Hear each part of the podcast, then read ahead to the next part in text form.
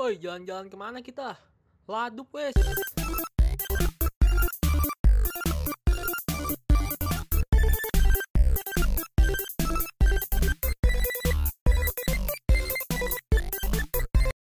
Halo, selamat datang di episode perdana podcast Ladup. Alasan gue membuat podcast Ladup ini, podcast yang bertemakan traveling, dikarenakan gue ngeliat belakangan ini warga Indonesia lagi giat-giatnya untuk traveling ya. Makanya dari podcast ini harapannya gue bisa ngasih tips and trick atau enggak sekedar agenda perjalanan buat kalian secara cuma-cuma gitu. Dan sebagai episode pembuka, gue akan memilih Singapura seperti yang udah gue terakan di judul gue. Alasannya simple, karena bisa dibilang Singapura tuh udah jadi tujuan utama bagi kebanyakan warga Indonesia, terlebih warga-warga yang belum pernah ke luar negeri. Kenapa? Alasannya karena pertama itu cukup gampang untuk dicapai. Dari segi transportasi biayanya nggak gitu mahal ketimbang lu pertama kali pergi ke Jepang atau enggak ke misalkan Bangkok deh dari segi tiket pesawat pun udah beda harganya dan yang kedua adalah buat kalian yang baru pertama kali ke luar negeri gitu ketika kalian pamer di sosial media di Singapura tuh lebih kelihatan apa ya gambaran luar negerinya gitu ketimbang kalian lagi pamer di Bangkok atau enggak di Kuala Lumpur gitu. Coba deh perhatiin aja gitu. IG-IG teman kalian yang lagi jalan-jalan ke Singapura pasti kerasa banget negara majunya. Gitu. Jadi buat teman-teman yang ngerasa ngapain sih bikin tentang Singapura? Basic banget gitu. Gue mah udah bolak-balik jawabannya ya jangan samain ke ayah kalian gitu yang fit IG-nya ya udah sampai bikini bottom gitu orang Indonesia masih banyak yang apa istilahnya belum belum keluar negeri gitu bahkan untuk ke Singapura aja belum pernah Oh ya lupa sebelum mulai nih gue mau infoin bahwa tips and trick yang gue kasih ini itu berlaku jika kalian pingin ngatur sendiri perjalanan kalian ke Singapura. Gue ngasih yang bener-bener kalian pengen arrange sendiri uh, hotelnya, pesawatnya, tujuannya, gitu-gitu. Oke, kita mulai dengan transportasi. Gimana caranya kita mencapai Singapura terlebih dahulu? Nah ini gue asumsikan mayoritas dari kalian tinggal di Pulau Jawa mayoritas ya. Dari kalian tinggal di Pulau Jawa. Maka dari itu opsinya tentu aja naik pesawat. Sebenarnya ada sih buat opsi lain misalkan lu naik kapal gitu dari Tanjung Priok misalnya dari Jakarta atau enggak yang Surabaya dari Tanjung Perak. Bisa aja tapi lu kan lagi nggak syuting jejak si gundul ya? Jadi ya udahlah ya nggak usah aneh-aneh gitu. Yang simple-simple aja naik pesawat. Dan oh ya gue nggak akan jelasin tips buat dapetin tiket pesawat murah ya. Karena itu nanti bakal gue upload di episode terpisah. Jadi untuk pesawat ini ada dua pilihan. Pertama pilihannya budget. Misalkan lu ke Singapura sama temen lu ngegembel budget pas-pasan gitu. Modal lu nggak banyak pesawat budget itu udah pilihan utama nah pesawat budget ini ada beberapa jenis lagi gitu atau beberapa tipe airline. Yang pertama Jetstar, yang kedua Scoot. Nah, buat yang tinggal di Jakarta, Jetstar atau Scoot ini enaknya adalah mereka direct, alias nggak perlu transit-transit. Nah, ini lebih mudah. Yang kedua, kalau kalian pengen trip ala-ala Crazy Rich Asian, nah itu bisa juga dengan pesawat yang full service bintang 5 gitu. Dengan pesawat macam Singapore Airlines atau pesawat kebanggaan Indonesia Garuda yang sebenarnya kalau lagi hoki nih misalkan lu pada lagi dapat harga promo dari kedua maskapai ini itu bedanya cuma 400 sampai 500 ribu dari harga tiket normal pesawat budget terserah sih kalian mau nambah 400 500 ribu dengan jaminan bahwasanya kalian bakal dapat full service dapat makan bisa nonton film di pesawat terus lebih lega legroomnya dan biasanya dapat apa tuh aksesoris aksesoris gitu.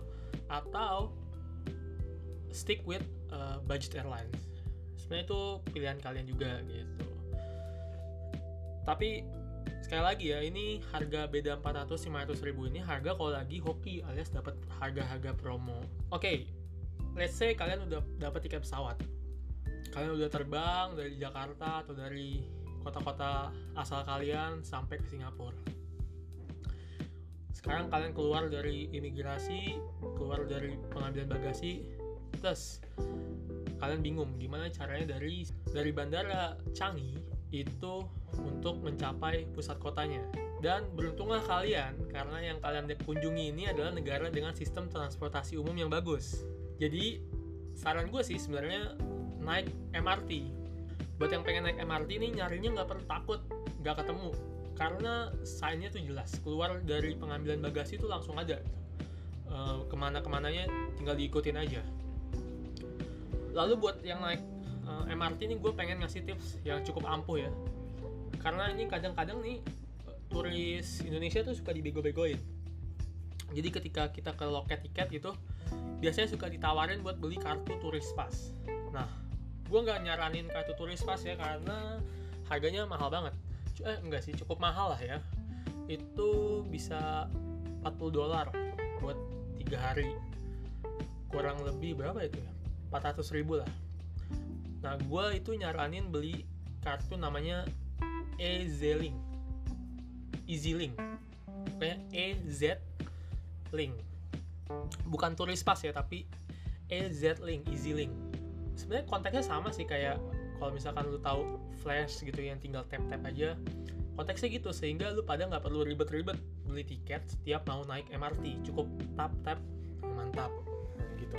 Untuk yang naik taksi sama kok lu keluar langsung ketemu gitu kan naik grab juga keluar dari bandara tuh keluar dari pengambilan bagasi itu udah ada gitu sign-signnya udah ada cukup uh, gampang lah buat diikutin gitu selama lu bisa membaca gitu bisa nggak buta huruf atau apa itu gampang banget Oke, kalian dari bandara sudah sampai ke pusat kota. Sekarang selanjutnya adalah mencari penginapan. Oke, let's talk about accommodation. Kembali lagi, ada dua jenis tipe penginapan yang gampang atau uh, accessible buat kalian yang pergi sendiri. Uh, pertama, yang paling gue rekomendasikan ketika kalian sedang ke Singapura adalah hostel atau uh, youth hostelnya. Salah satu uh, akomodasi yang menurut gue paling nyaman untuk ditempati di Singapura adalah hostel karena selain harganya murah, hostel ini lokasinya cukup strategis misal dekat dengan uh, hawker atau uh, food court atau enggak uh, hostel yang memang dasarnya dekat dengan stasiun MRT. Untuk hostel sendiri itu range harga ada di kisaran 300 sampai 400 ribu per orang. Tapi ini udah termasuk sarapan. Jadi nggak usah takut bingung sarapan apa. Malah justru ketika gue lagi nginep di hostel gue sering uh, sarapan itu gue ambil ini bisa contoh bisa enggak sih ya? Cuman sarapannya tuh kadang gue ambil buat nanti makan siang. Jadi gue sarapan habis itu gue lebihin kan biasa orang Indonesia suka nggak sadar gitu sama uh, porsi yang semestinya. Itu kan lumayan buat ngehemat kalau yang emang lagi melakukan budget traveling selanjutnya kalau emang kalian solo traveling tapi pengen a little bit privacy gitu kan ya udah hotel. Hotel enggak mahal-mahal banget juga sih kalau misalkan well kalau lu nyarinya di tempat yang or di di area yang memang famous kayak Orchard kayak gitu itu udah pasti mahal ya obviously. Hotel-hotel pun hotel-hotel ternama gitu. Kayak misalkan uh, Holiday Inn, Aston, etc bisa sampai di atas satu juta lebih. And uh, for you that have tight budget, let's forget it. Now, the easiest option, opsi yang yang lebih uh, apa ya, budget friendly adalah nginep di hotel-hotel daerah Geylang. Buat kalian yang mungkin pernah dengar dengan atau mungkin pernah ke Singapura atau pernah uh, searching tentang Singapura, ketika dengar kata Geylang, beberapa dari kalian mungkin bakal ngerasa uh, Geylang adalah memang Gelang adalah tempat uh, prostitusi di daerah Singapura. Tetapi selain dari fakta bahwasanya Gelang adalah tempat prostitusi uh, yang yang istilahnya ya red uh, red light districtnya Singapura, Gelang adalah tempat di mana uh, berkumpulnya mayoritas orang Melayu selain uh, kampung Arab. Jadi banyak sekali buat yang Muslim terutama banyak sekali makanan-makanan yang memang halal dan masakan Melayu gitu jadi buat yang nggak bisa apalagi orang Indonesia yang nggak bisa makan uh, ny- makanan yang nggak pedes gitu ya. Gue sangat menyarankan untuk stay di Gelang gitu. Karena nggak semua hotelnya juga hotel yang esek-esek ya. Ada juga beberapa hotel memang bintang tiga gitu. Itu yang cukup apa ya family friendly. Anjing family friendly. Alexis juga bilangnya family friendly sih enggak serius but dengan harga 500 ribu 600 ribu itu bisa kita bisa dapat kamar hotel gitu loh.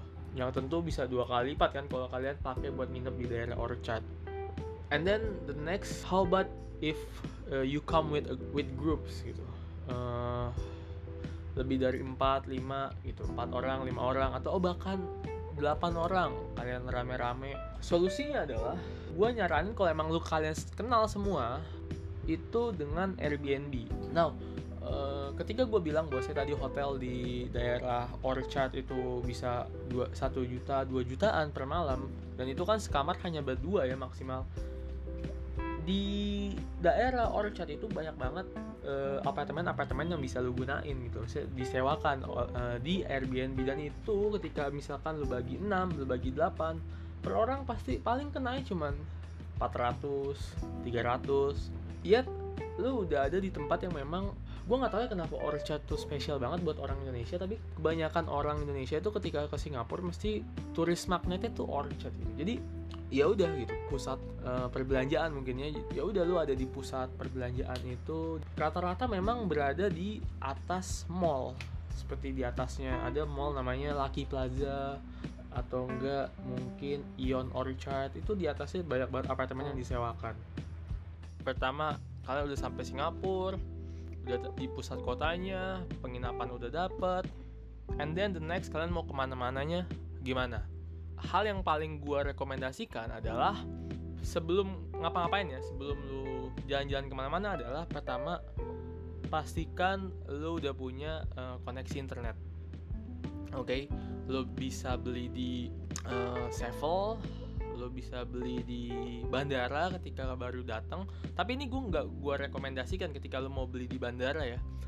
Karena harganya bisa tiga kali lipat ketimbang lo beli di 7-Eleven saat di pusat kota. Now, mungkin lo bakal ketika lo bakal sampai lo bakal mikir, aduh beli nggak ya, beli nggak ya, uh, nanti gue gimana ketika naik MRT-nya nggak ada nggak ada sinyal internet. But trust me if you have a little bit of patience kalau lu mau bersabar dikit lu mau ke ke pusat kota dulu nyari uh, 7-Eleven terdekat dan beli di situ lu bakal ngehemat banyak banget. And kenapa gue bilang koneksi internet itu penting? Karena untuk ke mana-mana sebenarnya udah nggak susah lagi gitu. Mungkin dulu kalau misalkan lu pengen pakai tour it's okay karena uh, mau ke mana-mana bingung. Misalkan mau ke tempat A dari tempat B lu nggak tahu lu kan orang baru lu turis bingung lo harus pakai peta beneran. Tapi sekarang kan nggak perlu kan. Dengan buka Google Maps atau enggak aplikasi kayak Line Maps gitu-gitu dari hostel atau penginapan lu pengen ke Merlion atau enggak pengen ke Marina Bay Sands lu tinggal masukin doang. Set set muncul semua itu. Naik bis apa naik kereta apa. Makanya kenapa salah satu hal yang paling gue sarankan adalah dapetin koneksi internet di HP lo gue juga nggak ngerekomendasiin buat pakai wifi uh, wifi yang sewa wifi harian yang di pick up dari Indonesia atau apa karena kurang apa ya banyak banget tetek bengeknya misalkan kayak harus deposit 500 ribu. Dan juga walaupun unlimited gitu ya cuman memang kalau misalkan in a large group ya kembali lagi it depends gitu loh. Kalau emang large group lu pengen ngehemat mungkin solusinya adalah pakai wifi yang disewa dari Indonesia. Atau nggak perlu dari Indonesia sih kalau emang pengen pakai paket internet gitu. Loh banyak banget aplikasi misalkan kayak Klook uh, itu dia sewa wifi yang pick up di Singapura langsung sehingga lo nggak perlu eh, repot-repot deposit etc. Next adalah ke mana-mananya? Ya udah tinggal lo Google Maps saja dan itu jelas kan pasti jelas uh, dari titik A ke titik B itu lo harus naik bis apa ada nomornya uh, bis atau enggak MRT apa dikasih tahu stasiunnya turun di stasiun berapa nomor berapa stasiunnya itu sangat jelas. Dan kalau misalkan kalian udah sering gunain ini di Jakarta kalian bakal kaget gimana uh, sign ini sangat apa ya lebih akurat dibandingkan yang kalian apa ya yang kalian uh, rasakan ketika menggunakannya di Jakarta. Terlebih ketepatan waktu sih ya. Uh, buat gue bisnya tuh sangat tepat waktu sih. Bis kalau kereta sih udah nggak udah bukan jadi bahan perbincangannya karena uh, memang dasarnya MRT rata-rata on time ya di Indonesia pun udah Jakarta terlebih MRT-nya udah on time gitu.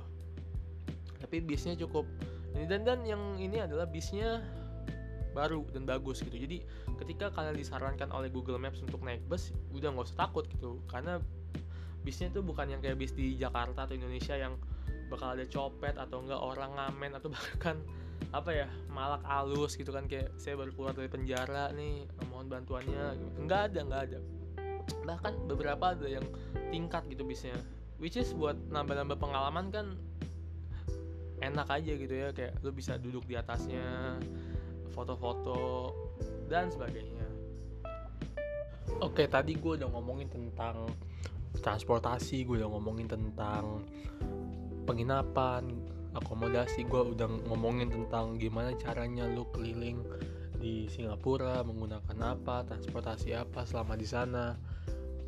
Sekarang yang gue bakal coba ngomongin adalah gimana cara lu semua itu survive alias uh, makan urusan perut lah ya oh ya sebelumnya gue nggak akan ngasih tahu tempat-tempat mana yang wajib kalian kunjungi selama di Singapura di eh, episode ini karena gue bakal bikin episode spesial uh, atau episode khusus yang ngomongin lokasi-lokasi mana aja yang wajib kalian kunjungi ketika di Singapura. Oke, untuk makan sendiri itu gue bagi menjadi beberapa kategori ya karena menyesuaikan dengan budget uh, kalian masing-masing. Kita mulai dari yang paling low budget dulu. Yang gue maksud dengan low budget ini adalah uh, makanan yang sehari pengeluaran itu nggak lebih dari 10 dolar Singapura. Sebenarnya ada banyak sih untuk yang low budget ini jadi nggak usah takut. Tapi yang paling gue saranin adalah kalian bisa uh, tentu tentu pertama ketika kalian udah nginep di sebuah hostel atau penginapan yang dapat breakfast itu udah jadi uh, kayak big advantage lah buat kalian. Lu puas-puasin dulu makan pagi gitu. Atau kalau perlu dua kali sarapannya gitu. Jadi gue itu udah sering lakuin gitu. Jadi kayak jam 7 pagi gue udah sarapan sekedar roti atau enggak biasanya sereal gitu nanti jam 10 jam 9 ketika gue pengen keluar lagi itu gue makan lagi. Atau enggak sebatas gue bawa buat nanti siang snack gitu. Semacam roti lumayan kan? Nah karena lu udah makan terakhir itu jam 10 jam 11 udah diganjel dengan roti lu bisa nih agak uh, mundurin jam makan siang lu. Bisa jadi jam 2 atau jam 3 gitu kan? Dan setelah lu makan pagi di hotel yang which is nggak ada pengeluaran untuk makan siang ini yang paling gue saranin adalah pergilah ke Little India. Kayak misalkan Little India itu dia uh, jual masakan-masakan vegetarian. Untuk yang vegetarian food ini nggak usah takut haram ya karena kan sayur gitu. Dan juga rata-rata yang jual pun orang Muslim India di sana itu. Dan apa ya kalau gue sih memang lebih menyarankan lo beli vegetarian food ini buat yang low budget. Karena uh, harganya itu antara 4 sampai 5 Singapura dolar dan porsinya buset porsi kuli Singapura kali gitu. Itu nasinya seabrek uh, sayur. Biasanya sih kalau makanan India tuh kayak masakan padang ya lauknya dikit tapi kuahnya banyak. Jadi ya apa ya walaupun lauknya dikit tuh masih ada rasa-rasa di nasinya gitu lah. Tapi karena ini kuahnya banyak dan santan jadinya nggak tahan lama gitu. Jadi nggak bisa lo beli terus lo bungkus buat makan nanti malam tuh nggak bisa gitu loh. Lalu tadi makan siang kita keluarin uh, eh, 5 dolar malamnya kalian bisa beli makanan-makanan yang ada di 7-Eleven makanan 7-Eleven ini kisarannya adalah 4 sampai 5 dolar. Dan itu berbentuk seperti nasi kari yang udah dibungkus. Kalau misalkan kalian sering ke Indomaret kan itu jual tuh yang bisa di microwave. Nah seperti itulah. Untuk minum sih selalu ya bawa botol kosong. Dan ketika kalian mau jalan-jalan ke mana-mana diisi dari uh, hostel kalian karena biasanya selalu menyediakan tuh air buat diisi ulang. Itu dari yang low budget sekarang kita pindah ke yang semi uh, apa ya mid lah mid mid budget atau semi kaya. Semi kaya nih 10 sampai 15 Singapura dolar ini sih opsinya banyak banget lo bisa makan chain restoran. Cuman yang wajib kalian kunjungi ketika ke sana adalah pertama cobain namanya Caesar cut. Caesar gunting. Caesar cut itu dia jualan kayak curry rice pakai chicken katsu tapi itu digunting-guntingin. Lalu dis disiram kuah kari itu lekker banget sih. Dan harganya itu sekali makan kena di 12 Singapura dolar kalau nggak salah. Karena kita milih daging nah jadi kita bisa tunjuk mau pakai ini ini ini ini. Jadi tergantung pilihan masing-masing. Cuman average sih 11 sampai 12 Singapura dolar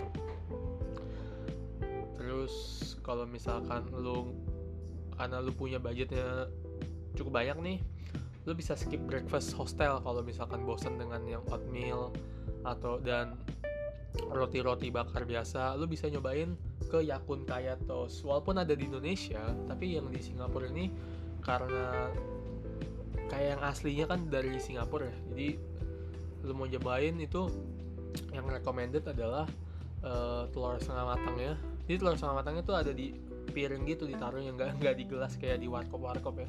Kayak di burjo gitu enggak ditaruh di mangkok terus nanti ada roti uh, roti di panggang dikasih slice rikaya. Dengan minumnya kopi hitam. Itu biasanya harganya paketan sih bisa 8 atau enggak 7 Singapura dolar sekali beli paketnya itu. Itu buat nyobain gimana orang Singapura zaman dulu apa sarapan pagi tuh lumayan bakal nambah pengalaman sih. Dan malamnya ditutup dengan makan di daerah Chinatown. Kalau misalkan kalian itu apa muslim di hawker-hawker Chinatown itu banyak juga kok makanan muslim dan uh, eh, gue sih seringnya tuh beli noodle ya. Noodle di Chinatown tuh enak-enak gitu tapi gak perlu takut. Walaupun noodle di Chinatown tuh banyak juga yang berlogo halal buat yang muslim. Dan itu uh, apa ya yang paling gue saranin tuh kalau misalkan lagi ke sana paling uh, tantan noodle sih misalkan di hawker hawker yang Chinatown tuh selalu ada tuh.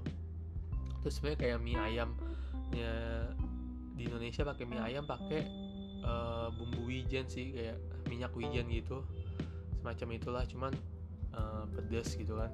Nanti ada daging cincang. Kalau misalkan yang haram biasanya pakai pork tapi yang halal tuh biasanya pakai beef atau enggak chicken.